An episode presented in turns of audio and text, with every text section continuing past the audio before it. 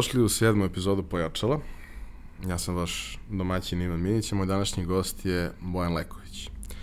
A, Bojan je osnivač Kupujem prodaje, ali pre Kupujem prodajem ima vrlo interesantnu profesionalnu karijeru i e, danas ćemo pričati o tim nekim ostalim stvarima o kojima on do sad u principu nije previše govorio. Uh, jer priču oko kupujem prodajem možete da pročitate na, na mnogo mesta i ona jeste sjajna i, i inspirativna, ali zapravo uh, nikada nis, nije pričao o tome kako je došlo do toga da uh, on uh, stekne sva ta znanja i veštine uh, koje su mu omogućile da na taj način organizuje jedan sistem. Jer najveća stvar zapravo svih nas, za sve nas polja koji gledamo kako stvari funkcionišu, najimpresivnija stvar kod kupujem prodajem je koliko mnogo toga jedan mali tim uspeva da uradi na jako visokom nivou kvaliteta.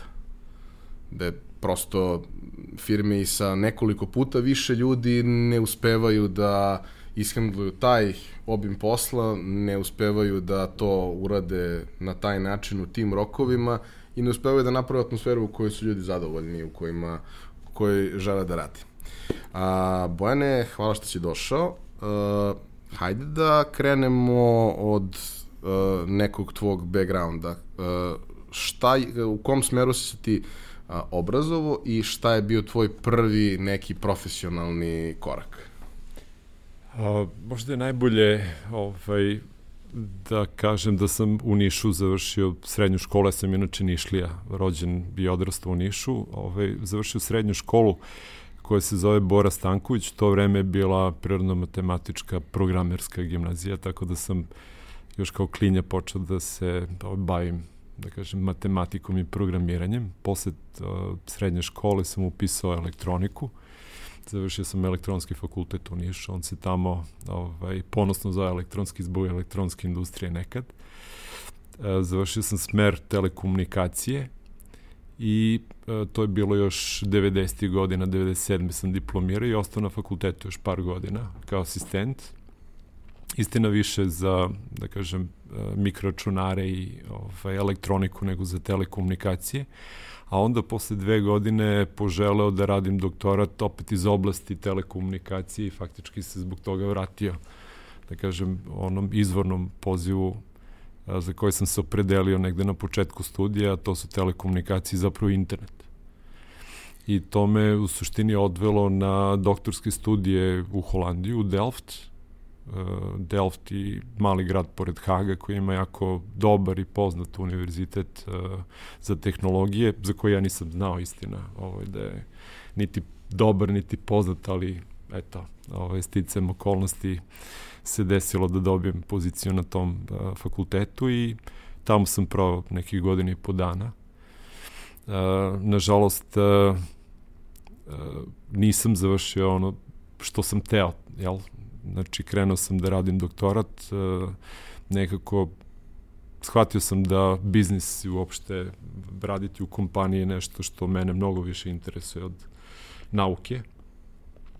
I to nakon četiri godine. Nakon dva univerziteta, znači Niš i Delft, ovaj, s druge strane, dosta si naučilo za tih četiri godine, tako da sam u tom smislu uh, i sretan što se to desilo, ove, ali svejedno, znači shvatio sam da je biznis nešto što mene interesuje i onda sam posle tih godina po dana u Delftu zapravo počeo da radim za Kraljevski holandski telekom, KPN, i to je bilo 2001. godine.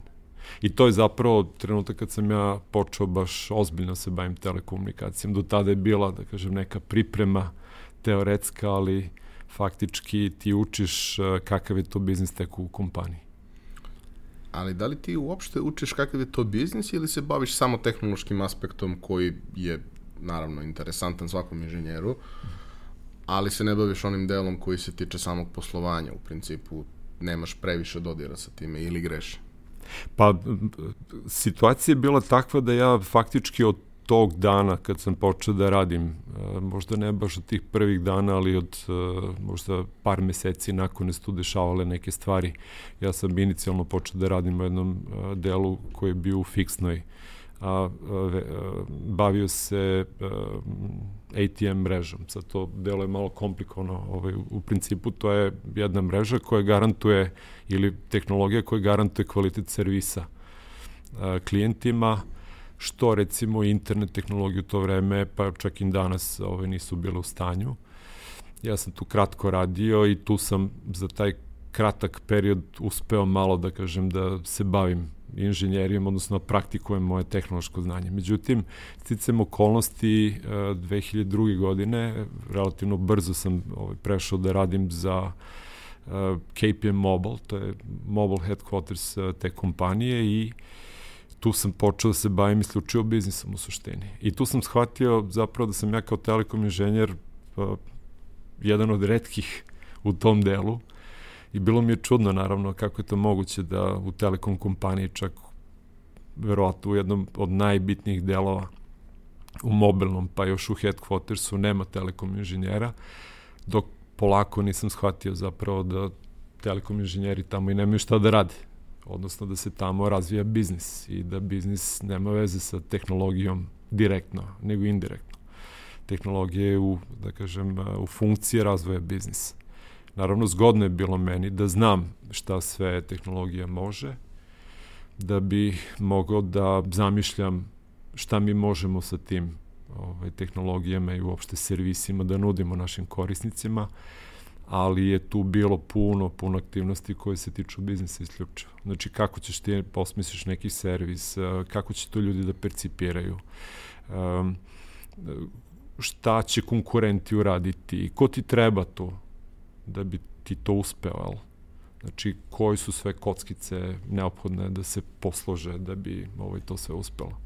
Na neki način u toj tvojoj novoj ulozi uh, ti dolaziš do toga da tebi tvoj inženjerski background e, jako puno znači na nivou razumevanja kako šta funkcioniše, ali van toga nema baš neku preteranu primjenu, osim možda načina razmišljanja koji dosta, siguran sam, dosta koristi u takvim situacijama, prosto analitičko razmišljanje, uh, i razumevanje kako funkcionišu procesi i sve ostalo, što možeš da naučiš i u nekoj biznis školi, ali ne možeš da budeš dobar inženjer ako nemaš to predznanje. pa, verovatno da je tako, da budem iskren. Uh, u to vreme ja se nisam baš mnogo bavio time šta meni pomaže ili odmaže u tom poslu, tek uh, morao sam da plivam. Uh, kompanija je u to vreme imala neverovatan uh, izazov. Uh, znači, s jedne strane ogroman dug, to je inače firma uh, koja je u to vreme kad sam ja počeo da radim imala 30.000 ljudi, uh, 15 milijardi evra prometa i negde 5 milijardi evra profita. Znači, izuzetna kompanija u svakom, u svakom smislu, ali izazov zato što je imala i nekih 20 uh, milijardi evra duga, koji dug je bio vezan za kupovinu operatera u Nemačkoj, izgradnju operatera u Belgiji, kupovinu licenci za 3G uh, u sve tri zemlje, Holandija, Nemačka, Belgija. I uh, kompanija je tražila način da opravda tu ogromnu investiciju. I uh, ono što se desilo jeste da su našli jednu kompaniju na svetu u to vreme koja je uspešno lansirala mobilni internet i to je bio Entity Docomo, japanski. I ovo, ja sam imao tu sreću da zapravo uletim u ceo taj poduhvat u trenutku kad je moja kompanija sklopila ugovor o licenci sa Entity Docomom da bi se taj prvi internet na, na svetu, na mobilnom, doveo u Evropu. Tako da smo mi faktički i ja, zbog stice okolnosti, ove, počeli da gradimo da, jedan servis koji je zapravo bio prvi internet na mobilnom u Evropi. Pričamo o koje godine? To je bilo 2002. godina. Znači u to vreme su već bile e, tehnologije koje su omogućavale, da kažem, neke stvari. E, međutim, niko nije imao u Evropi ekosistem koji je bio neophodan da bi uh, ljudi mogli, korisnici, ovaj, da uživaju te servise. Šta je ekosistem? To je s jedne strane mobilni telefoni koji imaju softver koji je prvo koristan zato što pra, praktično predstavlja servise koje ljudi žele da koriste, s druge strane je usabilan, jer uh, nije baš lako bilo u to vreme koristiti telefon i bilo je puno ljudi koji nisu ni imali telefon. A s druge strane bilo je neophodno jako puno stvari uraditi u backendu ili u back officeu da bi se sve to ovaj, desilo. Na kraju u to vreme smo imali jako veliki broj eh, takozvanih content providera koji su emulirali faktički internet jer mobilni telefoni u to vreme nisu imali izlaz na klasičan internet. Ne znam da li se sećaš, uh, u to vreme se pojavljivao VAP, to je ovaj, pokušaj telekom industrije da napravi, tehnološki napravi, da kažem, protokol koji bi trebao telefonima da omogući da imaju ono što smo fiksni uređaj, odnosno desktop računari ili laptopovi imali na klasičnom internetu. Pa čak bio i jezik koji je trebao da zameni HTML, WML i tako. Znači, međutim, to nije uspevalo. Jednostavno, nigde u Evropi, ako su u to vreme mobilni operateri imali uh, već mrežu koja je bila u stanju da prenosi podatke, to je GPRS, a kasnije Edge, niko nije imao, da kažem, ni jedan ozbiljan servis. I ono što smo mi uradili jeste zapravo zahvaljujući Japancima, mi smo internet uh, servise prebacili na mobilni telefon i tako se desili prvi HTML browser u Evropi na telefonu.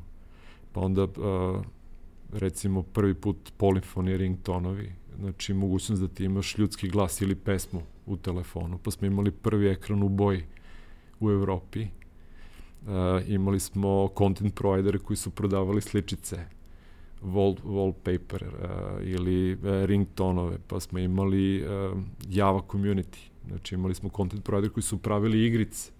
Pa smo imali prvi mail, uh, to je bio push mail, koga smo zvali iMail, na koji ste vi mogli pošaljiti klasičan mail sa interneta.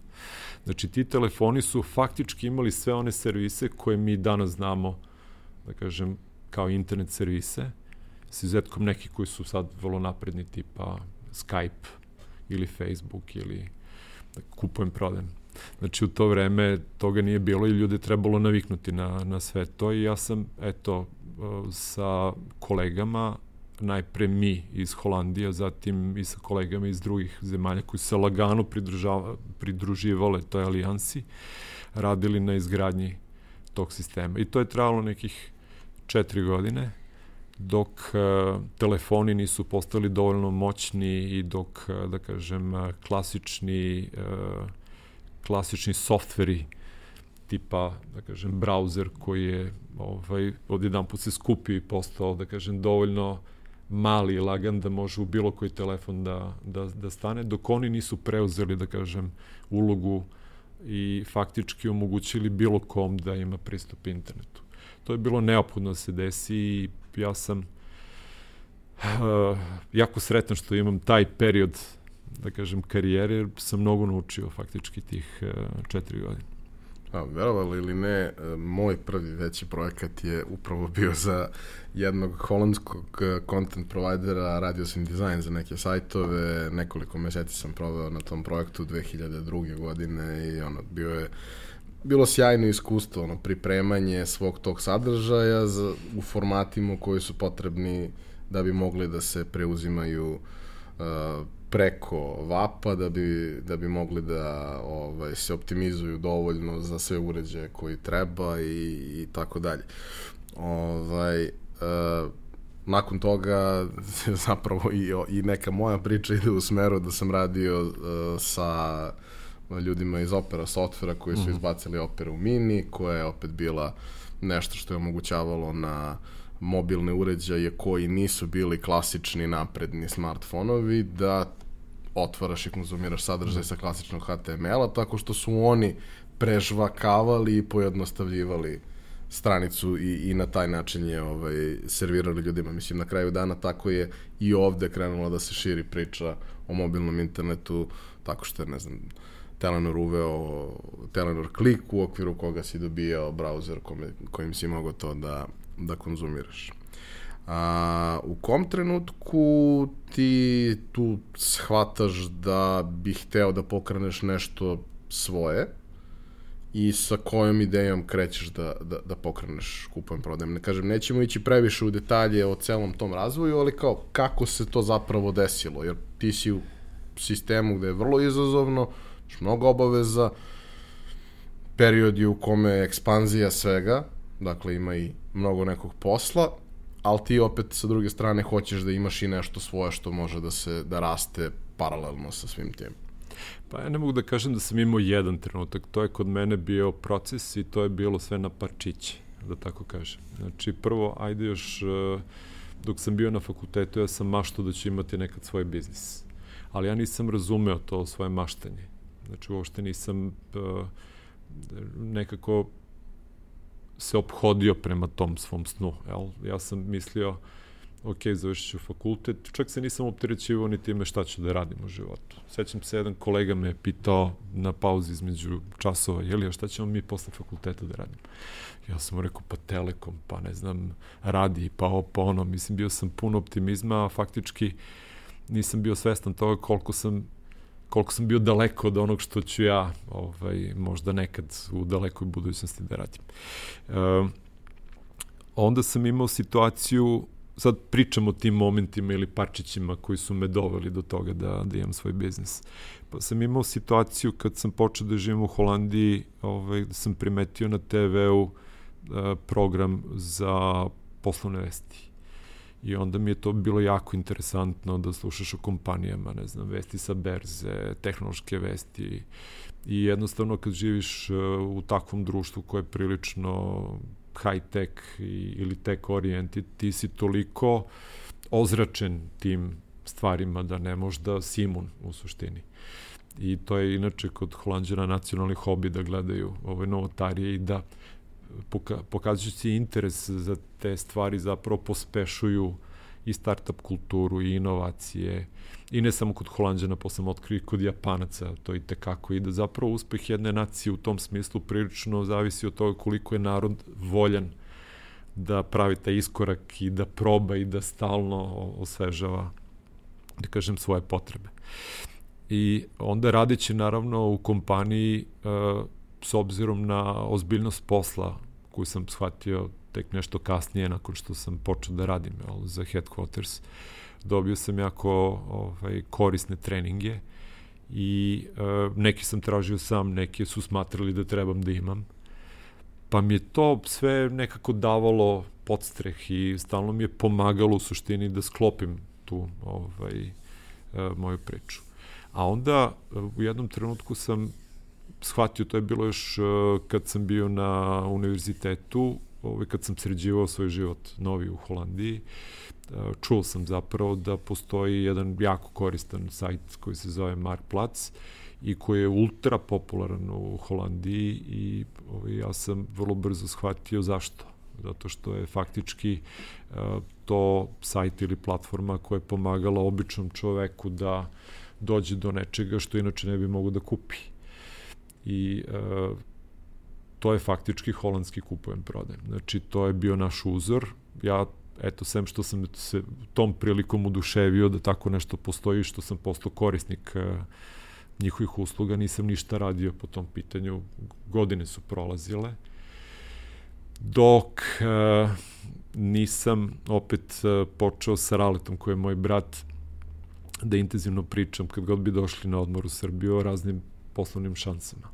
On je čovjek koji je izuzetno preduzetan i koji je uvek imao nekih ideja i stalno je ovaj, zamišljao da nešto radimo i jednom prilikom sam mu ja kazao da je jako interesantno ovaj, ono što imaju u Holandiji uh, i da bi možda mogli mi jednog dana to da, da uradimo i tek 2007. godine se desilo na jednom našem odmoru da smo prelomili faktički. U stvari nešto pre toga ja sam sklopile mi se kockice definitivno ovaj, i da želim da imam svoj biznis, zato što radići u Telekomu sam shvatio da bez obzira koliko je važan posao koji ti radiš i kolika si ti tamo zvezda, ti faktički nisi zvezda. I nije to toliko bitno da bi te zadržali sutra ako se desi neka reorganizacija velika, tako da sigurnosti nisam imao. I a, želeo sam eto i da se bavim uh, sopstvenim biznisom i da gradim tu sigurnost sebi i onda smo na tom odmoru 2007. maja meseca prelomili da se upustimo tako nešto i tu je još jedan jako bitan trenutak uh, bio to što je moja supruga za vreme brainstorma koga smo imali na, koji smo imali na terasi našeg stana u Nišu, ove, rekla, pa što se ne bi zvao kupujem prodajem. I onda nam je to tako ulilo, da kažem, uh, poverenje da će to da uspe, jer je bilo tako jednostavno ime i neobično. Obično su uh, tražili ljudi u to vreme, pa mislim čak i danas, neka neobična, čudna imena, ne bili se izdvojili iz uh, mase, ali a mi smo smatrali upravo obrnuto da ime tog biznisa treba da bude izuzetno jednostavno za običan narod, jer je zapravo ideja bila da mi običnom narodu pomognemo. I tako, znači, taj proces je kod mene trajao jako dugo i na parčiće i čekao sam da se sklope kockice, a da budem iskren, tu je trebalo najviše hrabrosti. Jer ti si faktički preduzetnik onda kad, kad si spreman da uzmeš rizik sve ostalo ide iza toga. Dobro, što se imena tiče, ok, kupujem, prodajem, prilično jasno objašnjava o čemu se radi, a ako takav pristup funkcioniše za General Electric ili General Motors, ne vidim zašto ne bi funkcionisao za kupujem, prodajem. Da. Uh, jedna stvar koju si pomenuo, a koja mislim da je jako važna, je upravo to da samim tim što si bio deo velikog sistema, ozbiljne firme sa ozbiljnom kulturom u zemlji koja ima recimo malo drugačiji pristup nego kod nas.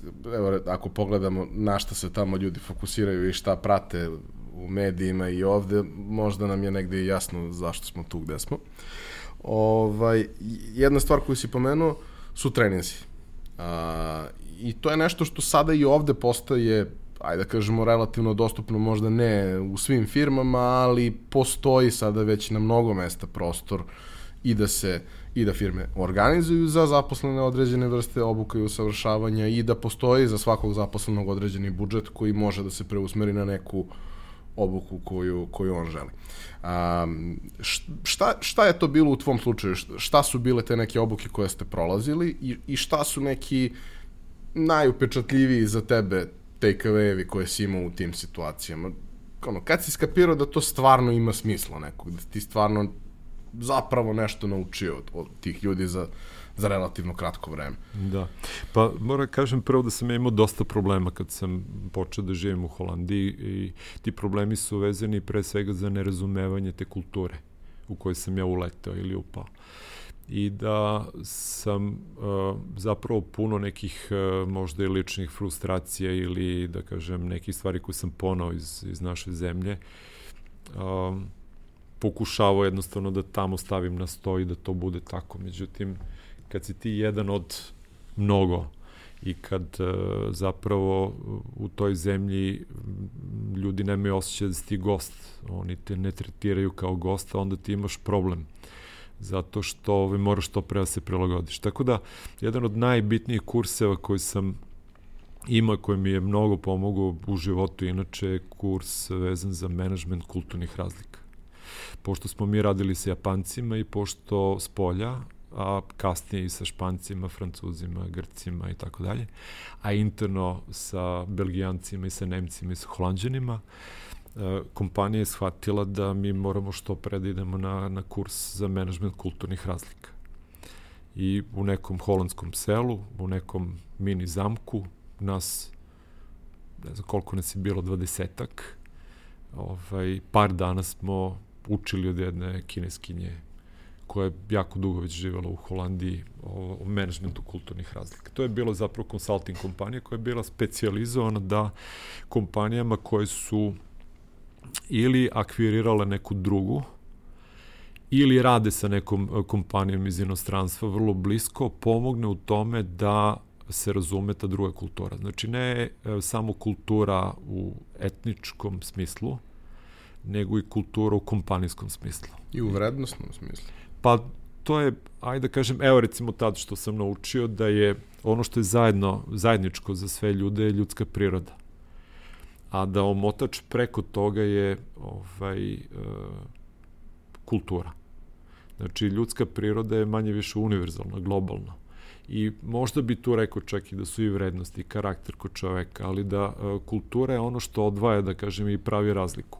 E, prost primer, to mi je vrlo brzo palo u oči kod Holandjana, poverenje koje oni imaju jedan prema drugom. Čak mi se činilo da je to do naivnosti ovaj, veliko poverenje. Kad se neko javi da je bolestan, pa ostane par dana malo duže, pa znaš, ono, kod nas bi tražili doznake, ne znam, tražili bi izvešte od doktora i tako. To u Holandiji nije slučaj. Tamo se veruje čoveku. I sećam se jednom prilikom, čak i bio slučaj kad je jedan strani menadžer tražio dokaz od radnika da je bolestan.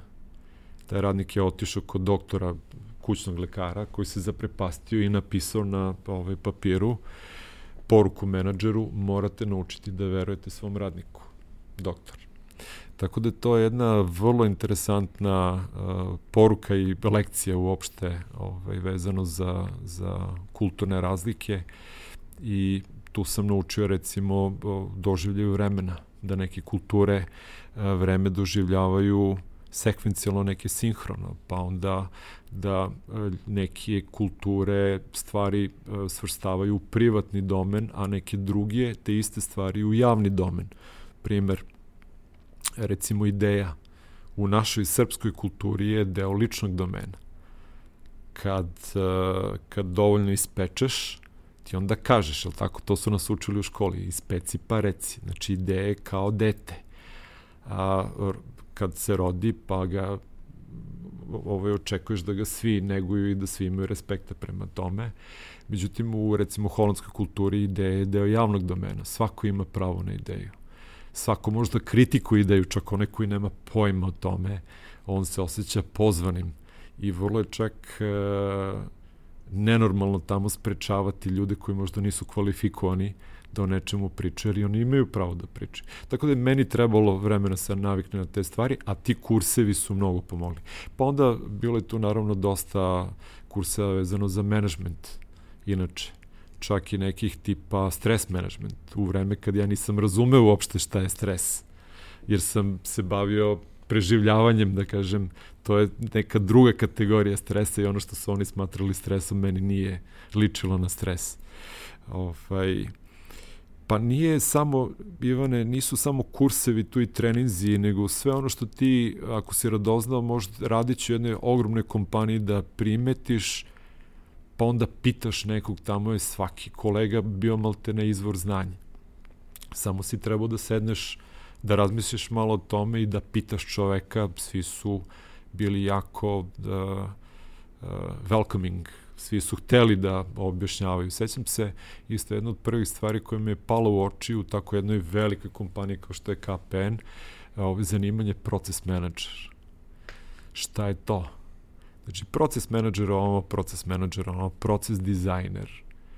Dok nisam shvatio zapravo da je Telekom jedna velika procesna kompanija, da ti imaš jako puno, imaš milionski customer base, i imaš jako puno ljudi i da ti ljudi prvo kad rade, uh, a oni ne rade u fabrikama, uh, odnosno ne rade u nekim radionicama gde postoji sad proizvodna traka, ti moraš da imaš radni proces kao jednu uh, virtualnu proizvodnu traku da bi taj čovjek koji radi u toj kompaniji takvoj uh, znao šta treba da radi. I da bi na kraju tog procesa ili uh, radnog poduhvata gde je puno ljudi uključeno desio se neki rezultat koji ima od, odgovarajući kvalitet ili recimo proces koji obezbeđuje da ta milionska korisnička baza nešto dobije i to dobije na vreme, dobije kvalitetno ovaj, i naravno znajući da u jednoj telekom kompaniji postoji jako puno IT sistema, kad kažem jako puno, znači na stotine, da ti šta god hoćeš da uradiš, moraš da imaš jedan vrlo solidan proces kako se to radi unutar kompanije da bi svi ti IT, IT sistemi zapravo bili na adekvatan način i modifikovani i povezani i da bi klijent na kraju, taj jedan od njih, ne znam koliko miliona, dobio ono što je on očekivao da će da dobije. E ti tu shvatiš zapravo da je razlika između velikog biznisa i malog biznisa upravo u toj snazi organizacije i tim procesima i možda je lep primer, evo, Heineken i pivo. Znači, pivo može da napravi danas skoro bilo ko, za ne? Međutim, da napravi pivo koje se prodaje u, milionima hektolitara svuda po svetu i da to bude svuda istog ukusa, bez obzira na to da li je sunce grejalo ili nije, da li je pšenica ili ne znam od čega se pravi ječam, ovaj, dobro rodila ili ne, ovaj, da to uvek bude isto i da taj osjećaj kako je to zapravo bude vezano za brand Heineken, e to je nešto fenomenalno. To, je, to su procesi unutar kompanije. Ja, posebno jedan zanimljiv moment kad, kad već pominješ Heineken, pre 7-8 godina sam pisao tekst o tome jer sam naišao na, na, na neke vrlo interesantne informacije. To je da je Heineken postao najveće pivo na svetu, najveći brand piva na svetu, tako što nikome nije prvi izbor. Hmm. Svako bira neko drugo pivo kao prvi izbor, ali Heineken svima drugi izbor. I ako si celom svetu faktički drugi izbor, bilo da je u pitanju Teksas, uh, Colorado, uh, Štajerska, Japan, nije uopšte bitno, jednostavno previše je veliko i previše ima mesta za uh, dru, drugu poziciju na Google-u i ne možeš praktično da, da izgubiš. Naravno da postoje i ljudi koji ciljano piju Heineken, ali uvek koje ti je omiljeno pivo, uvek je to ili neko lokalno pivo, ili je neko pivo koje možda slovi za kvalitetnije, ili je to možda neko kraft pivo. Ali kao, pa nema to, i, i, ima Heineken, pa dobro, kao, niko, niko nema ništa protiv Heinekena. Niko nema ovaj ar argument zašto, zašto ne bi trebao da ga, da ga proba. A, jedna od stvari uh, koja je takođe prilično kompleksna to što ti, znači, u tom trenutku si u industriji koja, pored toga što ima jako veliki broj korisnika, pored toga što ima upliv raznih novih tehnologija, ima taj moment da se zapravo tehnologije prilično brzo smenjuju, da ti imaš korisnike koji su ekstremno zahtevni u smislu toga da uh, da, ja hoću nešto novo, ali dok ne dobijem nešto novo, hoću da mi sve vreme radi ovo staro i ja sad treba da nađem način da tebi omogućim da, da nemaš tranziciju tu koja je bolna i komplikovana.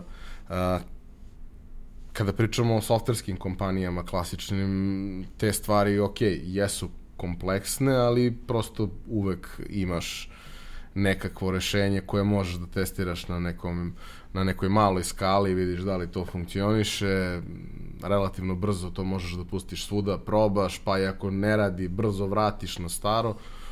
Ovde pričamo o nečemu što je malo kompleksnije, postoji nekakav hardware, postoji gomila da. nekih drugih stvari koje, koje se tu dešavaju. A, da li si imao prilike da prolaziš kroz neki takav proces, jer uh, danas, 15 godina kasnije, uh, imaš upravo tu situaciju sa svojim biznisom, da imaš jako veliku bazu korisnika, vrlo kompleksan sistem koji mora da radi brzo, pouzdano i tako dalje, a gde se opet očekuju stalno neke, neke inovacije koje nije baš lako ovaj, jeli, ispropagirati svuda Jasne. na vreme i na pravi način. Pa kako ne, to je veliki izazov. To postoji, znači, jako puno stvari koje se dešavaju iza, kako bi to rekao, iza kulisa da bi sve to postojalo, da bi se održavalo, mora jako puno da se radi. Evo primjer, jedan pomenuo si tehnologiju i njihovu smenjivost. Vrlo interesantna anegdota, imao sam jednog s, pa nije kolega moj, ali partner iz partnerske kompanije u to vreme, Freescale Semiconductors ili Motorola Semiconductors, koji je kasnije kupio ovaj, Freescale uh, ili obrnuto, svejedno. Sećam se da mi je pričao jednom prilikom pošto sam ja imao uh, u sklopu mojih po, uh, poslovnih aktivnosti, da kažem, razgore sa svim tehnološkim uh, kompanijama na svetu koje su bile od značaja za mobilni ekosistem. Znači za mobilne telefone, chipset, uh, uh, fabrikanti, sve do, da kažem, software proizvođača. I sad on mi je jednom prilikom rekao, s obzirom na njihova kompanija specializovana pored, da kažem, uh, čipova za telefone, da radi čipove za autoindustriju, automotive. Kaže, imaju veliki izazov jer je tu tehnološki uh, life cycle mnogo kraći od product life cycle.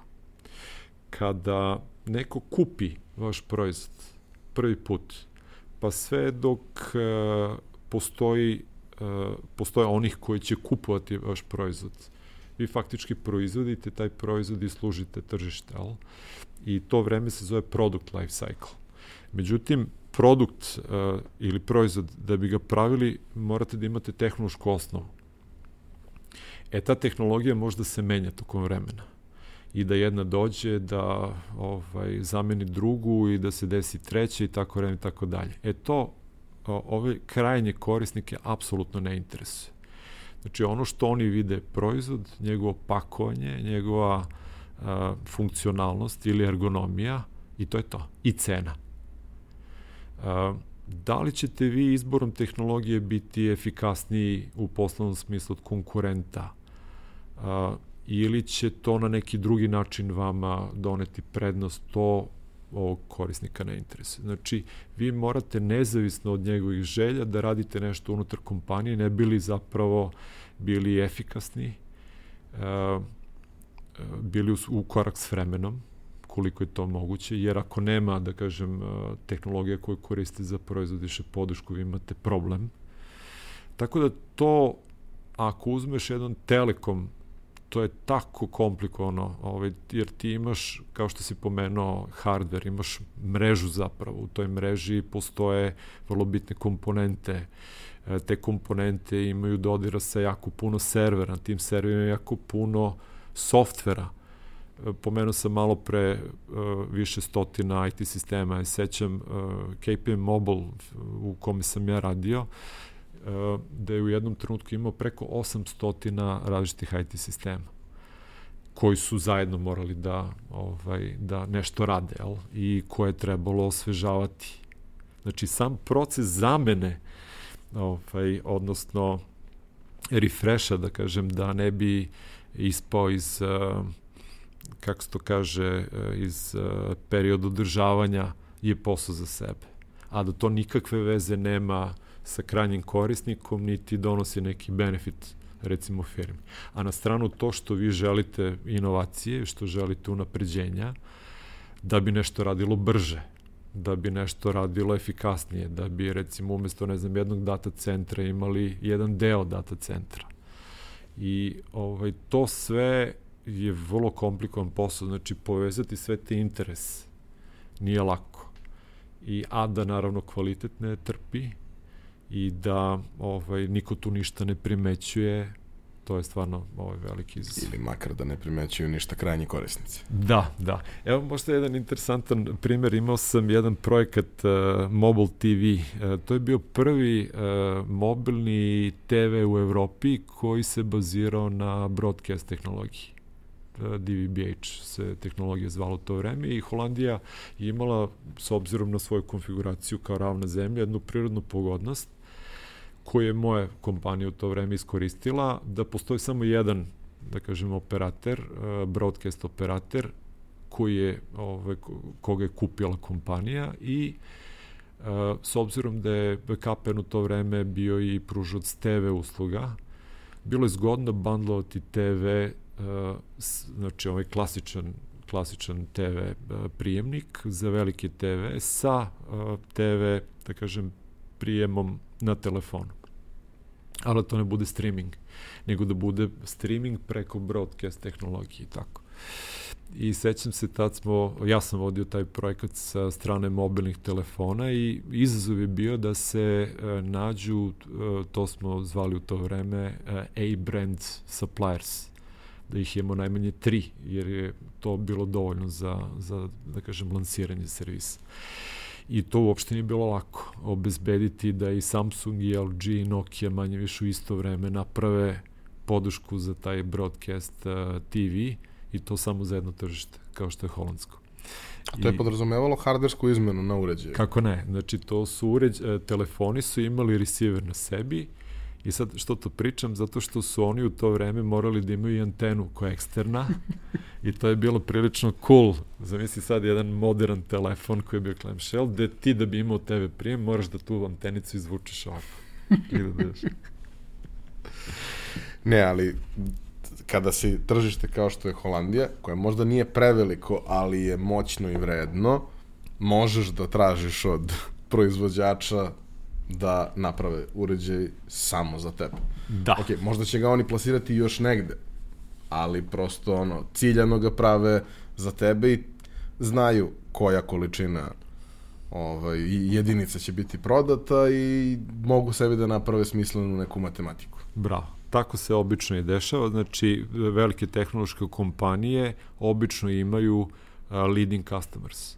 Znači to su uh, klijenti koji su iz nekog razloga ispred drugih, bilo zbog snage svog tržišta, bilo zbog inovativnosti tih uh, customera i onda oni pomognu po znacima naravno, naravno nije to ništa besplatno, ali jeste vrlo neobično da bi oni sami naučili u anticipaciji da će ostatak tržišta da prati. U ovom slučaju se to nažalost nije desilo, znači u Evropi je nastupila jedna beznadežna diskusija vezano za standardizaciju televizije na mobilnom telefonu i na kraju use case koji nije postojao, ljudi jednostavno nisu bili spremni da TV gledaju tek tako, broadcast, odnosno želi su da bude on demand Tako da je to faktički ovaj, uh, i propalo kao komercijalni servis. Ali svejedno, uh, vrlo interesantno iskustvo i situacija gde recimo Samsung i LG šalju svoje timove u Holandiju, ne bili, da kažem, uh, on the spot radili razvoj. I to smo radili čak, ovaj, znači ti telefoni ne su imali software, nego su imali hardware koji je bio neobičan u odnosu na, na ostatak sveta. Uh, I tad sam zapravo radići na takvim projektima shvatio koliko je to sve i opasno u suštini. Jer dosta tih projekata je završavalo uh, kao fail. I tu sam shvatio da čovek uh, kad ima kao ja sad svoj biznis mora da bude jako, jako oprezan sa tim stvarima. Šta će raditi, šta neće, šta ima smisla, šta ne. Trenutak u kome će se to desiti je jako bitan. Ako kreneš prerano, onda moraš mnogo dugačak da akti imaš. Ako si zakasnio, onda je neko drugi već krenuo. Tako da je tajming tu jako bitan i vrlo, da kažem, pažljivo, pažljiv izbor šta ćeš raditi, možda to čak e, bitnije šta ćeš raditi nego kako ćeš raditi. Tako da eto, to su neka, da kažem, iskustva koje sam ja poneo sad uh, radeći na takvim projektima u velikoj kompaniji.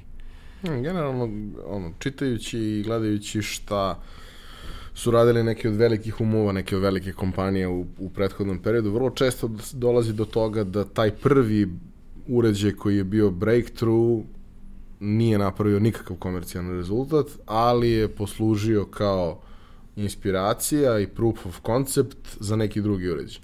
Ako je taj drugi uređaj došao iz iste kompanije, onda se onda možda i izvukla u tom procesu, ali ako je poslužio nekom drugom da napravi nešto, onda to može da bude prilično veliki problem. Mislim, pa... Telekom u, u kome si radio je dovoljno veliki da može da rizikuje tako neke stvari i da ne ugrozi previše svoje poslovanje. Da prosto i mora da rizikuje na neki način u tim situacijama. Ali kada si mali, svaki rizik može da znači kraj. Baš tako. Ako je ne, neodmeren na pravi način. Šta ti kažem? Pa potpuno si upravo. A, kad smo kod odmeravanja uh mhm. -huh. rizika i, i, i gledanja šta i kako.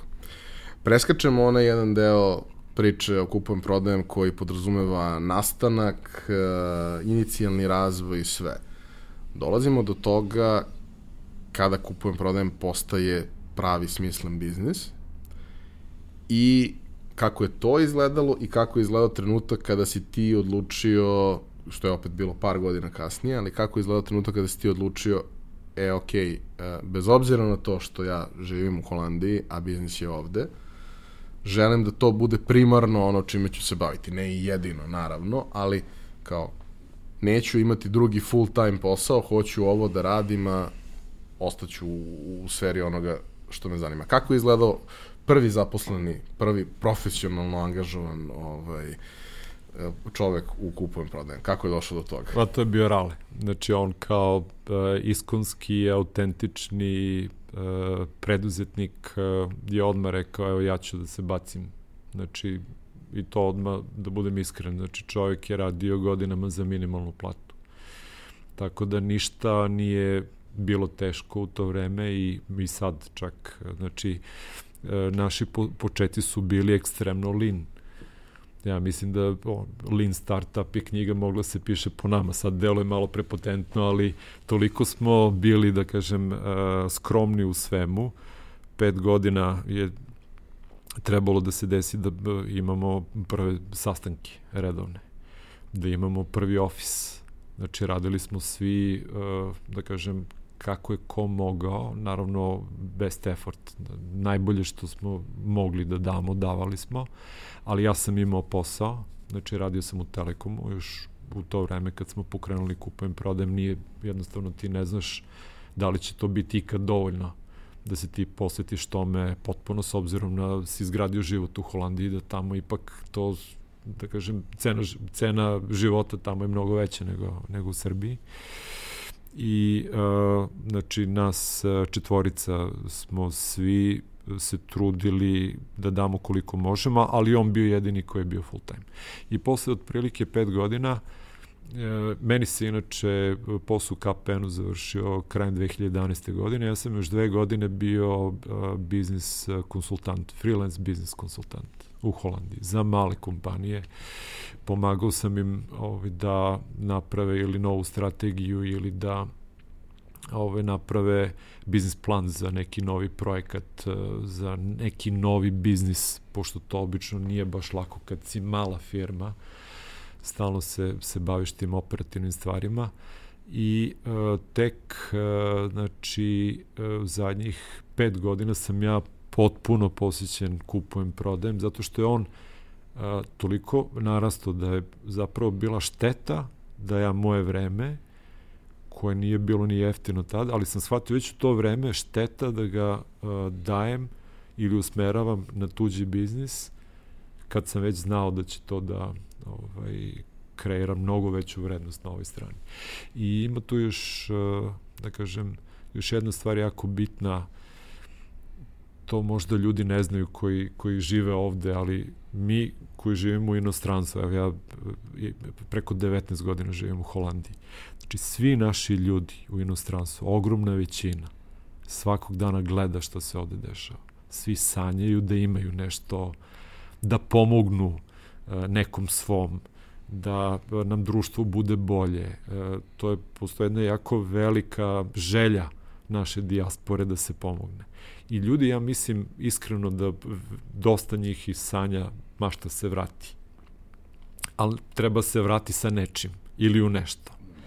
I uh, ono što sam ja znao, mislim, ako bi se vraćao, trebam da imam neki posao, tako. E sad, situacija moja lična se do te mere promenila da ja više nemam osjećaj da živim negde. Ja sam sad građanin Evrope ili sveta, tako ja sam relativno često u Beogradu. Uh, znači, preko Skype-a sam svaki dan u Srbiji ili preko Hangouta. Tako da u tom smislu ja nemam više osjećaj da živim u Holandiji. Ali uh, ta želja moja da u suštini e, na neki način vratim društvu je mnogo pomogla. Društvu koje je na kraju platila moju školu i osnovnu i srednju i fakultet i to je da kažem jedan verovatno od razloga što sam i ovaj, odlučio se bavim biznisom iz Holandije u Srbiji, što je vrlo neobično. Obično ljudi gledaju da nešto rade odavde s polja, a ja sam eto, malo krenuo stvari. A, vi ste krenuli kao jedan od redkih uh, servisa ovde kojima klasično display oglašavanje nije bio primarni izvor prihoda, odnosno je li problem sa oglašavanjem kao biznis modelom je što je oglašavanje nestabilno, naročito ovde i bez obzira na to koliko si veliki, prosto nikad ne možeš da se osloniš 100% na taj novac. Uh, možeš na neki način da računaš sa time, da, to je sjajan bonus, sve je to u redu, ali e, mora da postoji nešto drugo iza čega će zapravo da postoji nekakav stabilan priliv, nešto što je predvidljivo, nešto što pa na neki način e, zavisi od toga šta si ti uradio. Ako si radio posao dobro, da bude prihod veći, što kod oglašavanja ne mora da znači ništa, mm. nažalost. A, kako ste vi postavili biznis model? Šta je bila ideja onog trenutka kad ste rekli, e, ok, sad ovo funkcioniše, nije ni tako malo više, poveliko je, šta bi mi tu mogli da uradimo da od toga napravimo biznis? Kako ste krenuli sa tim? Pa znaš kako, e, inicijalni biznis model je bio postavljen pogrešno. Znači on se upravo bazirao na uh, display oglašavanju i to je jedna od par grešaka u, u biznis planu koji sam napravio kad smo krenuli ove, ovaj, sa time. A, međutim, ono što je dobra stvar što je, pazi, ja sam investirao svesno.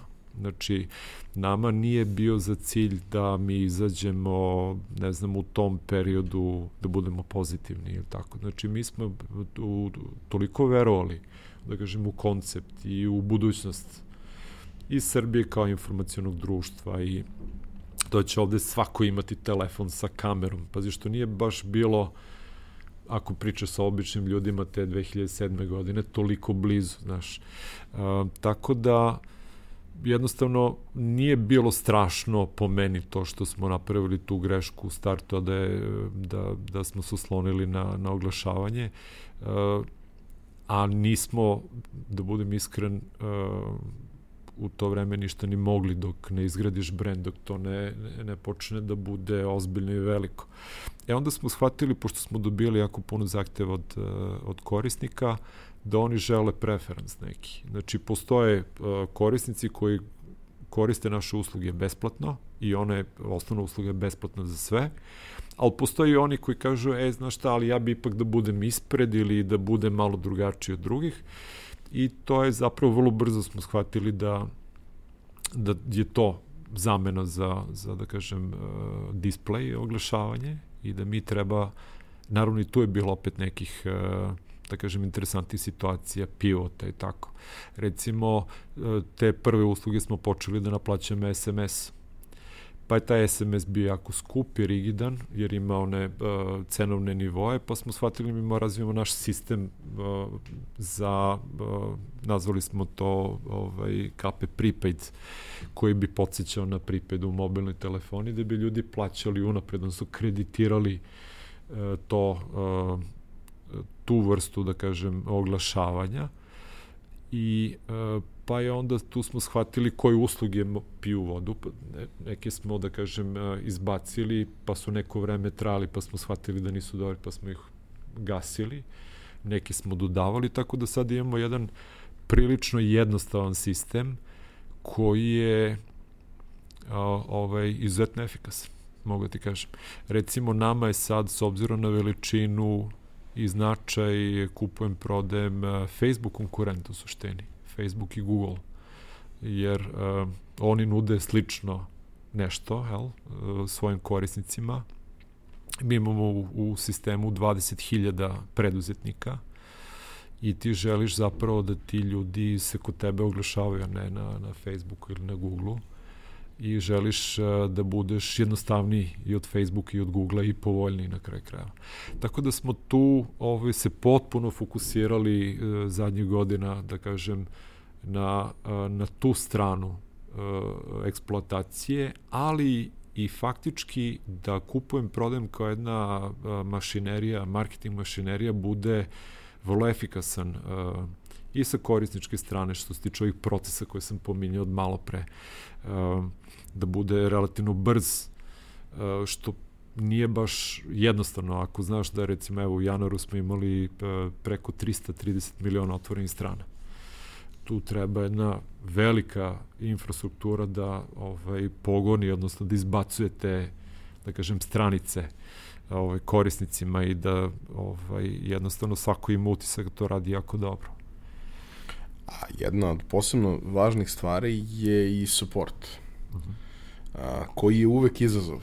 Na toj skali je uvek izazov, jer na kraju dana tim supportom ipak najčešće mora da se bavi neki čovek negde. E sad, kako vi uspevate sa relativno malim brojem ljudi da obslužite tu količinu korisnika, tu količinu oglasa i tu količinu svakodnevnih problema koje se dešavaju, jer prosto logično je da postoje problemi na koliko, 2 miliona oglasa. Kako ne, kako ne. Znači, evo ja jutro sam doleteo iz Amsterdama, i kad god sedam u avion setim da otprilike 2-3 padne na, na nekoliko miliona, jel? Leto. u stvari jedan padne na 3 ili 4 miliona. Tako da ako ti se uh, desi da svakog meseca imaš uh, preko 2 miliona novih oglasa, onda je normalno da će ti se desi i da imaš, uh, da kažem, oglase koje ne želiš da imaš i da imaš spam i pogrešnih, uh, pogrešno kategorizovanih oglasa i da ima, da kažem, stvari koje ne želiš uopšte da, da vidiš. Tako da, e, da bi e, sistem e, funkcionisao uspešno, neophodno je da imaš opet pravila koja će ljudi da poštuju i to su opet radne procedure vezano za sve te događaje koji su faktički nemili koji mogu da se dese u jednom tako velikom sistemu. Sad kupujem, prodajem je zbog svoje veličine ugledalo društva faktički i ono što se dešava u našem društvu može da se desi i kod nas. Mi imamo uh, jedan tim koga interno zovemo uh, Ecosystem Quality Team, koji je zadužen zapravo uh, za i donošenje tih procedura, ali i za sprovođenje tih procedura, a vezano za korisnička ponašanja. Tako da uh, se trudimo da s polja gledano ogromna većina korisnika, nemoguće da to bude 100% ovaj, tako, odnosno 100% vodo nepropustan, da kažem, sistem, da ogromna većina korisnika nema nikakav problem da sve prolazi glatko, da znaju kako da koriste uslugu, da kada imaju problem i kad se jave dobiju uh, relativno brzo feedback to smo takođe postigli tako što su ljudi prilično se trenirali za taj posao i tako što smo analizirali te radne procedure koje treba da ovaj, pomognu u efikasnosti i na kraju, da budem iskren, tako što uh, smo automatizovali tu dosta stvari. Znaš, a, Kad kažeš automatizovali, na šta, na šta konkretno misliš? Pošto ja kapiram negde da je poenta u tome da moraš da osluškuješ korisnike i da mhm. vidiš šta je ono na što se oni najčešće žale. Stvari na koje se najčešće žale, verovatno možeš u nekom obliku da automatizuješ. Ali ovde ima mnogo stvari i mnogo različitih scenarija koji, koji mogu da se desi.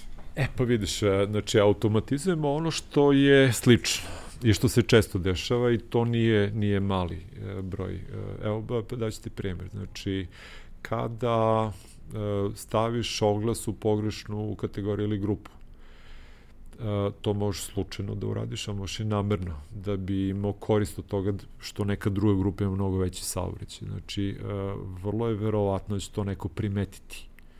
Postoji puno korisnika koji faktički pomažu očuvanju kvaliteta ekosistema tako što prijavljuju stvari. E te prija, Ima, ima ih jako puno. Znači, konkretno, kad je u pitanju pogrešna kategorizacija, prvo gleda softver. Znači, da li je to je softver koji smo razvili u saradnji sa partnerskom kompanijom NIR iz Niša, koji nam pomaže da takav oglas automatski reklasifikujemo. To radi softver. Znači, ranije radio čovek, sad više ne. Postoje, recimo, kada ti unosiš oglas, sistem koji kontroliše da li si ti unao nešto što ne bi smeo. To isto radi softver. Naši ljudi stalno ovaj, pomažu taj sistem, stalno ga uh, uče. nova pravila. Pa kako ne, da, nova pravila, stalno ga uče, dodaju, da kažem, nove stvari koje bi faktički trebale da spreče neželjna ovaj, ponašanje. Tu ima naravno i nekih, da kažem, i grešaka, znači neki put se zeznemo, jel, u proceni. False positive. Pa, kako bi, kako bi to rekao? Evo recimo, postoje algoritam koji detektuje e, da li čovjek pristupa sistemu ili ne. Znači, i on ima opet svoj, da kažem, način rada i neki put ako je neko malo brži s prstima, pitaće ga sistem si čovjek ili si mašina što se ne dešava ovaj, često, vrlo redko se istina dešava, onda se javi po neki put čovjek da ovaj, bude zbunjen. Pa onda postoji sistem koji gleda da li si ovaj, uh, fair korisnik. Mi to zovemo interno fair uh, use policer. Policaje za ovaj, fair korišćenje. Jer nije ideja nešto što se nudi besplatno da neko koristi mnogo, mnogo, mnogo više i češće nego neko ko ovaj, je običan korisnik ili neko ko plaća. Tako da to isto ovaj, radi algoritam. Čak smo imali interesantne situacije da se javljaju ljudi jako besni, ali misle da to čovek sad ovaj, blokirao ili penalizao, da kažem, nekog. Pa onda imamo sistem e, upozoravanja sa, da kažem, porukama koje su iz naše baze gde administrator u suštini ne mora da kuca, nego automatski ovo, izabere vrstu poruke s obzirom na, da kažem, e, vrstu problema. Tako da ima jako puno tu interesantnih pravila koje smo neki uspele u, neki uspeli u potpunosti automatizujemo, neke delimično, a neke su i dalje ručne. Recimo, ne znam, pregled e, ocene kad dobije neko negativan review, to ide administratoru na, da kažem, na, na sud. I tu opet imamo uh, pravila neka, znači s obzirom da ti faktički ne učestvuješ uh, u, u trgovini između ljudi i ne znaš faktički šta se tu desilo, znači ti ljudi koji to rade moraju da imaju uh, predefinisan set, da kažem, smernica kako u kakvoj situaciji. I to je Ivane, treb, trebalo više godina, da kažem da se ta, ta, ta e, staza utaba i ja lično sam, pošto znam koliko je to bilo bitno, ove se bavio tom podrškom godinama, ne bili zajedno sa kolegama posle zajedno učestvovao ovaj, u definisanju svih tih pravila.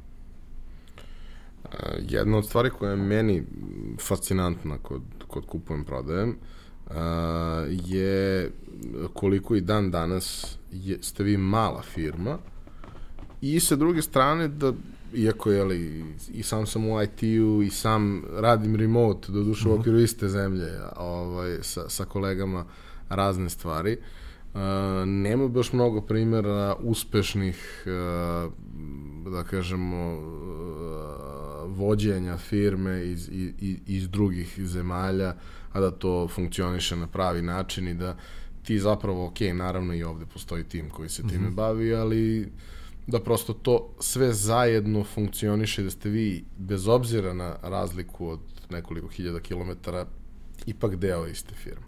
Koliko ljudi ima zaposleno sada u kupujem prodajem? 20. Sad možda jedan manje ili više, zato što ovih dana imamo, ovi, imamo nekoliko otvorenih pozicija. Tako da ja uvek imam problem da prebrojim, ali od prilike 20 imamo nešto i možda eksternih saradnika preko toga. A, kako ti uspevaš da, kažeš, relativno često si ovde? Mm. Ok, ali nije to baš toliko često. Nije. A, kako uspevate da funkcionišete na daljinu? Pa, znaš šta, kao generali u bici. Od prilike. Znači, kad ratuješ imaš front tamo negde, nije baš da sediš u rovu sa vojnicima, nego ovaj, si negde na, da kažem, isturenom mestu u štabu i sklapaš kockice na osnovu informacije koje dobiš. Tako da vođenje biznisa je pre svega misalna stvar. Znači nije baš da uh, nije baš da moraš da budeš uh, negde da bi, da bi te kockice sklopio s jednim izuzetkom a to je interna organizacija firme. Znači, ja skoro gledao jedan jako interesantan videoklip uh, Idealni menadžer od uh, Ica Kadižesa. I uh, u, u drugom delu, Idealni menadžer 2, kaže Icak, uh, uspeh jedne firme je funkcija odnosa spoljne integracije i unutrašnje dezintegracije. E, spoljna integracija ono čime smo se mi dosta bavili prvih uh, 5, 6, 7 godina, pa i pa dan danas. A to je znači koliko ono što mi pružamo zapravo dobar fit, koliko dobro uh, potrebe ili probleme rešava korisnika. Međutim, ovo drugo, ovaj, uh, imenioc, unutrašnja dezintegracija je zapravo unutrašnja organizacija firme. E, to zahteva budeš češće. I ja faktički, ako bi se samo bavio proizvodom i samo, da kažem, e, razvojem internet e, portala, ne bi ni morao da dolazim. Sve bi moglo komotno da bude preko Skype-a i Hangout i tako. Ali s obzirom da je ovi 20 ljudi um, koje radi u našoj kompaniji koja je vrlo specifična po tome da ima nacionalni footprint i da kažem nacionalni značaj s jedne strane, a s druge strane je relativno mali tim. Znači mi imamo jedan vrlo veliki, na našu sreću, i jak internet brand, nacionalni, a s druge strane mali tim ljudi, 20 ljudi nije puno. Ti ljudi moraju da budu specifično organizovani, specifično odebrani i da imaju, da kažem, sklonosti i sposobnosti da rade više različitih stvari. Kao mi to zovemo kao švajcarski nož, da bude svaki od njih. I naravno to nije lako. I onda ovaj, kad tako nešto hoćeš da organizuješ, a, dešavaju se i problemi naravno i ovaj, a, konflikti koji su zdravi i koji treba da postoje u svakoj firmi, pogotovo ako su konstruktivni, koje neki put je zgodno rešavati ako si, ako si ovde. Tako da kad ja dođem ovde, obično su u pitanju, da kažem, neke organizacione stvari. Evo imat ćemo ovaj, preko sutra strategy update jednom u kvartalu kolegama um, otvoreno pričamo o tome gde smo sa planovima i to po, da kažem, na nivou svakog, svakog tima. Znači šta je ideja, šta bi hteli, ljudi mogu da pitaju. Znači, trudimo se da, da imamo tu otvorenost i da je svima jasno čime se bavimo. Tako da u tom smislu ovaj, je neophodno, to je mnogo zgodnije ako si tu nego ako si sad uh, duh neki iz, iz Skype-a ili iz, iz laptopa. Ali misliš da postoji i e, prednost toga što nisi sve vreme u priči, već možeš sa distance da možda neke stvari bolje izvagaš i bolje vidiš i možda uh, onaj neki moment kada nešto vidiš svaki dan i kada to vidiš sa neke distance, kada to vidiš s vremena na vreme, gde možeš zapravo da primetiš razlike, gde zapravo možeš da vidiš mnogo, mnogo možda bolje neke stvari koje se interno dešavaju, nego da se to dešava i lagano menja a ti si tu u centru sve vreme. Pa da, da jeste stop, to siguran sam apsolutno. Znači ima par prednosti, ima i mana, znači nije e, rad, rad na daljinu. Inače ne samo da sam ja u Holandiji, znači mi imamo i tim u Nišu, pa imamo tim u Beograd koji je do skoro bio na dve lokacije. Pa smo imali jednog kolegu koji je radio od kuće, znači nas je bilo sa više lokacije, tako da tu je bilo izazova u tom smislu. Međutim, ima i prednosti za mene lično. Prednost ima nekoliko. Jel? Prvo, živeti u Holandiji, raditi u Srbiji, znači da možete da gledate okolo i da vidite ove šta se novo dešava. Znači šta je sad u tom jednom jako modernom društvu koje je vrlo, da kažem, vrlo otvoreno ka novim tehnologijama i, i novim servisima, šta je interesantno. Tako da ja vrlo često crpem inspiraciju iz uh, holandskog ambijenta. S druge strane, uh, dobar deo mog vremena je zapravo razmišljanje.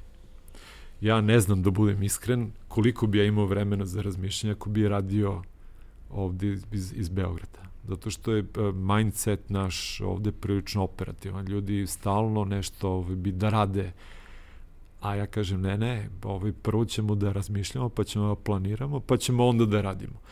I taj otklon koji ja imam, jer živim u jednoj drugoj zemlji u, i u drugoj kulturi gde se tako radi, je prilično pomogao da faktički napravimo, kupujem, prodajem po ugledu na, na, na holandske, da kažem, kompanije. I oni, mi smo holandsko-srpska firma, jer je matična kompanija u Holandiji, ali faktički da kažem, poslovanje kako smo organizovali u, u Srbiji mnogo više podsjeća na, na holandsko nego na, na srpsko. E sad, kada si mali uh, kada je taj tim mali, utreniran, efikasan, promene su uvek izazov. Promene su izazovi kad si veliki, mm. promene su uvek izazov. Ali kad si mali, onda je to posebno teško. A, hoću da te pitam kako zapravo izgleda kod vas uh, taj proces odlučivanja uh, kod tih nekih strateških stvari koje su jako važne. Primera radi, stvar koja je, verujem, dosta doprinela dobroj poziciji, bilo je uvođenje responsive dela, odnosno mo mobilnog sajta i sa druge strane uvođenje mobilne aplikacije o kojoj se dugo pričalo, pa je ona uh, uvedena i reakcije su bile sjajne, ali se sve vreme nekako provlačilo to da et, bilo bi super kad bi to moglo malo brže i bilo bi super kad bi to moglo da se desi uh, odmah i sve to što, ostalo što je nemoguće u realnosti. Kako izgleda to iz tvog ugla? Komplikovano. e, zato što ima puno, puno inputa koje uzimaš sa raznih strana da bi procenio uh, i trenutak i resurse zapravo. Znači, uh, prvo ideje ne dolaze od mene, nego dolaze od svih nas. Vrlo često ideje dolaze od naših korisnika i uh, kupujem, prodajem i ovoliko uspešan zbog toga što smo mi godinama faktički ugrađivali ono što je najbolje za sve, a neki od tih stvari ili čak dobar deo su predlagali naši korisnici. E sad, znači, kad ti uh, gradiš nešto, ti moraš da uvek uh, uzimaš u obzir i to sa čime ti raspolažeš. Šta, šta znaš, šta imaš i šta možeš u datom trenutku. To je isto, ja pomenuh front malo prije ratovanja, ali vrlo slično. Znači, kad imaš vojsku, uh, ti ne možeš da frontalno, ako je ta vojska mala, recimo sad teritoriju neku trebaš da osvojiš, ne možeš frontalno da napadneš ovaj, e, nego moraš da izabereš pravac napada. Sećaš se kad su nas napadali Austrugari, čak i oni su morali da biraju će gore preko Save ili preko Drine da bude.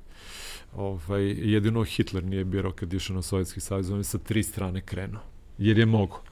E sad, znači ti moraš da imaš uh, jako dobar osjećaj uh, gde si ti sa resursima, koliko možeš, da bi se opredelio da ideš ovaj, na neku stranu. Konkretno, kad je u pitanju mobile, mi smo procenili uh, da je za nas uh, mnogo bolje da prvo krenemo sa mobilnim sajtom nego sa aplikacijom, zato što mobilni sajt bi svi dobili. Na univerzalno on je univerzalan i drugo, osnovni use case-ovi koji su bitni u slučaju uh, portala našeg tipa, platforme, to je za oglašavanje, se sasvim lepo pokrivaju i mobilnim sajtom. Te onaj koji zbilje imao potrebu bi, da kažem, svoje potrebe rešio i sa mobilnim sajtom. Mobilna aplikacija je zgodna zato što ona nudi superiorno iskustvo korisničko, ali vrlo zahtevna stvar. Um, Znači, nama je trebalo prilično puno vremena da razvijemo mobilnu aplikaciju, uh, delom i zbog toga što smo prvo hteli da vidimo kakav e, bi najbolji dizajn odgovarao na mobilnom telefonu kroz mobilni sajt, da tu naučimo, da vidimo šta je dobro, šta ne, i da tek onda mobilni sajt bude referenca za mobile app. Da smo uradili obrnuto, imali bi veliki problem, bi mobile app ovaj, vrlo često morali da menjamo, a to nije baš lako. Znači, razvoj za mobile app i za mobilni sajt su potpuno različite. To različite tehnologije, na različit način se distribuira i tako. S druge strane, postoje aspekt troškova. Znači, a, a, mobilni razvoj je skup razvoj. Inače, ne znam koliko sad ljudi znaju kakve, ko su gledalci, da kažem, podcasta, ali recimo da nisu svi baš iz IT-a, trebaju ljudi da budu svesni da ovaj, troškovi u našoj IT industriji se lagano približavaju troškovima koji imaju zapadne firme. I sad, ako si ti kompanija koja ima a, freemium poslovni model, kao mi, koja posluje na jednom tržištu koje nije baš mnogo veliko. I, A nije bogato. Nije bogato. Onda ti moraš, što bi rekao jedan moj prijatelj, do bola da budeš uh, oprezan u tome koju ćeš bitku kada da vodiš. Primera radi, znači naš uh, globalni role model je Craigslist američki. To je broj jedan platforma u Americi i na svetu po veličini. Um, oni su po moje proceni uložili uporediv intelektualni napor kao i mi da razviju svoj biznis. Znači nije ovo što smo mi uradili uh, u Srbiji ništa slabije, da kažem, intelektualno, što se tiče intelektualnog napora, nego što su oni uradili tamo. A ipak, kompanija ima benefit tržišta od 320 miliona ljudi i to je izuzetno kupovno moćnih. I to je jedna od najboljih kompanija koje svet poznaje. Znači, Craigslist u konkurenciji svih high-tech kompanija, oni imaju daleko uh, najbolji odnos prihoda po, po zaposlenom. Globalno. Kad ti imaš sad situaciju da u Srbiji imaš znači relativno malo tržište, pa onda siromašno tržište, pa onda mogućnost da svako malo nešto proba tu, jel, malo tržište, ajde da probam, možda će i meni da uspe, ti faktički se trudiš da o, ovaj, zaštitiš tu svoju poziciju i kroz to što ćeš maksimalno da budeš povoljan korisnicima. Kad si maksimalno povoljan, ti zapravo odlažeš trenutak inovacija do onda kada je zbilja neophodno da se desi. Znači, nećeš da ideš korak unapred kao što to holandjani rade sa, ne znam, Mobile TV ili Japanci sa, sa ovaj, prvim internetom na, na mobilnom na svetu, nego čekaš da neko drugi nešto uradi, pa da ovaj, vidiš kakva su iskustva, pa da ti prođeš efikasnije i jeftiniji. I to je, da kažem, bio razlog što smo se odlučili uh, na takav e, redosled koraka, a naravno neki put je i ovo iznuđeno. Evo recimo u našem slučaju što se tiče e, samog trenutka kad će mobile e, da, da bude lansiran, na to je uticao i e, konkurent inostrani koji se vrlo agresivno reklamirao kod nas i koji je faktički požurio, da kažem, naš, naš proces inovacije jer smo teli da ga sprečimo i to nam je uspelo. Tako da u tom smislu moraš jako oprezan da budeš kad uh, biraš uh, bitke. Ima jedan uh, lep uh, izraz uh, engleski don't overstretch your thin. Nemoj da se razmašeš i da budeš tanak svuda. To je, ovaj, može da bude jako opasno po biznis. Uh, jedna od stvari za kraj koju bih te pitao, pošto smo i pričali nedavno na tu temu i dosta nekih zanimljivih stvari razmenili i ideja, a, to je, mi se pre svega obraćamo malim preduzetnicima, onima koji mhm. ulaze u priču ili su ušli predstoji im u idealnom scenariju nekakav rast u, u, u, u nekom smeru, sad koliki, kakav, naravno individualno je do svakog. Ali to su situacije u kojima s jedne strane si ti opterećen operativom do beskonačnosti, mm -hmm. a sa druge strane tražiš prostor da rasteš. E, da rasteš profesionalno, da se usavršavaš lično, da rasteš, da budeš bolji. I e, trudimo se uvek da slušalcima i gledalcima damo neke predloge šta bi možda mogli da pročitaju, šta bi možda mogli da pogledaju. Ti si tokom ovog razgovora pomenuo već neke stvari, ali sad kada bi te pitao da nekome preporučiš nešto od čega treba da krene ili nešto ti u poslednje vreme bilo najinteresantnije, a može da rezonira sa, sa publikom koja je, koja je kao naša, šta bi to bilo? Nije, nije mi lako sad da dam, ovaj, zato što mnogo, mnogo zavisi od, od situacije lične, uh, mogu samo da kažem šta je mene mnogo inspirisalo. Ovaj, ja sam, mislim da sam kao srednjoškolac prvi put pročitao, ukupno sam pročitao sedam puta, knjigu Lija Koka. To je e, čovek koji je vodio Ford i posle Chrysler i čitajući tu knjigu ja sam prvi put zapravo naučio kroz tu knjigu i kroz njegove reči šta je biznis. Jer je on počeo 48. kao inženjer mašinstva, pa se vrlo brzo prebacio u marketing sektor Forda i izgradio karijeru, penjao se i naravno kroz knjigu pričao o tome kako se penjao sve do CEO-a Forda, onda dobio otkaz, pa onda ulete u Chrysler koji je bio na uh, ivici propasti i onda analizirao kako je zapravo ta kompanija došla dotle i uh, sproveo, da kažem, plan za izbavljenje te kompanije. Toliko meni fascinantno bilo da sam ja na kraju ovaj, čitajući tu knjigu toliko puta zavoleo uh, uopšte knjige biografije velikih poznatih ljudi. Tako da meni lično su mnogo pomogle ove, te knjige da jer nema, nema po meni veće pomoći od iskustva nekog pametnog, mudrog čoveka koji je na kraju karijere zabeležio sve ono što je on iskusio u, u knjizi i ponudio svima na, na nauk.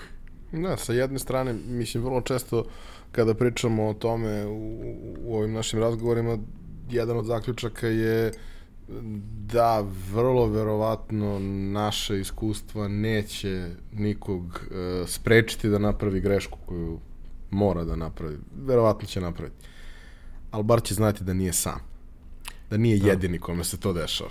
Da. I nije strašno. Da, da dokle god ustaneš nakon tog pada da. i dalje je sve okej. Okay. Bojane, hvala ti što si bio naš gost. Uh, nadam se da je ovo prvi, ali ne i poslednji put da ćeš biti uh, u, u našem podcastu. Uh, poštovani slušalci i gledalci, hvala vam na izdvojenom vremenu i molim vas da kao i do sada u komentarima i putem maila i putem poruka na društvenim mrežama pošaljete uh, predloge, sugestije i vaše komentare i pomognete nam da budemo još bolji. Predložite nam možda ko bi još, koga biste još volili da čujete i na koje teme biste volili da pričamo. Hvala Ivane.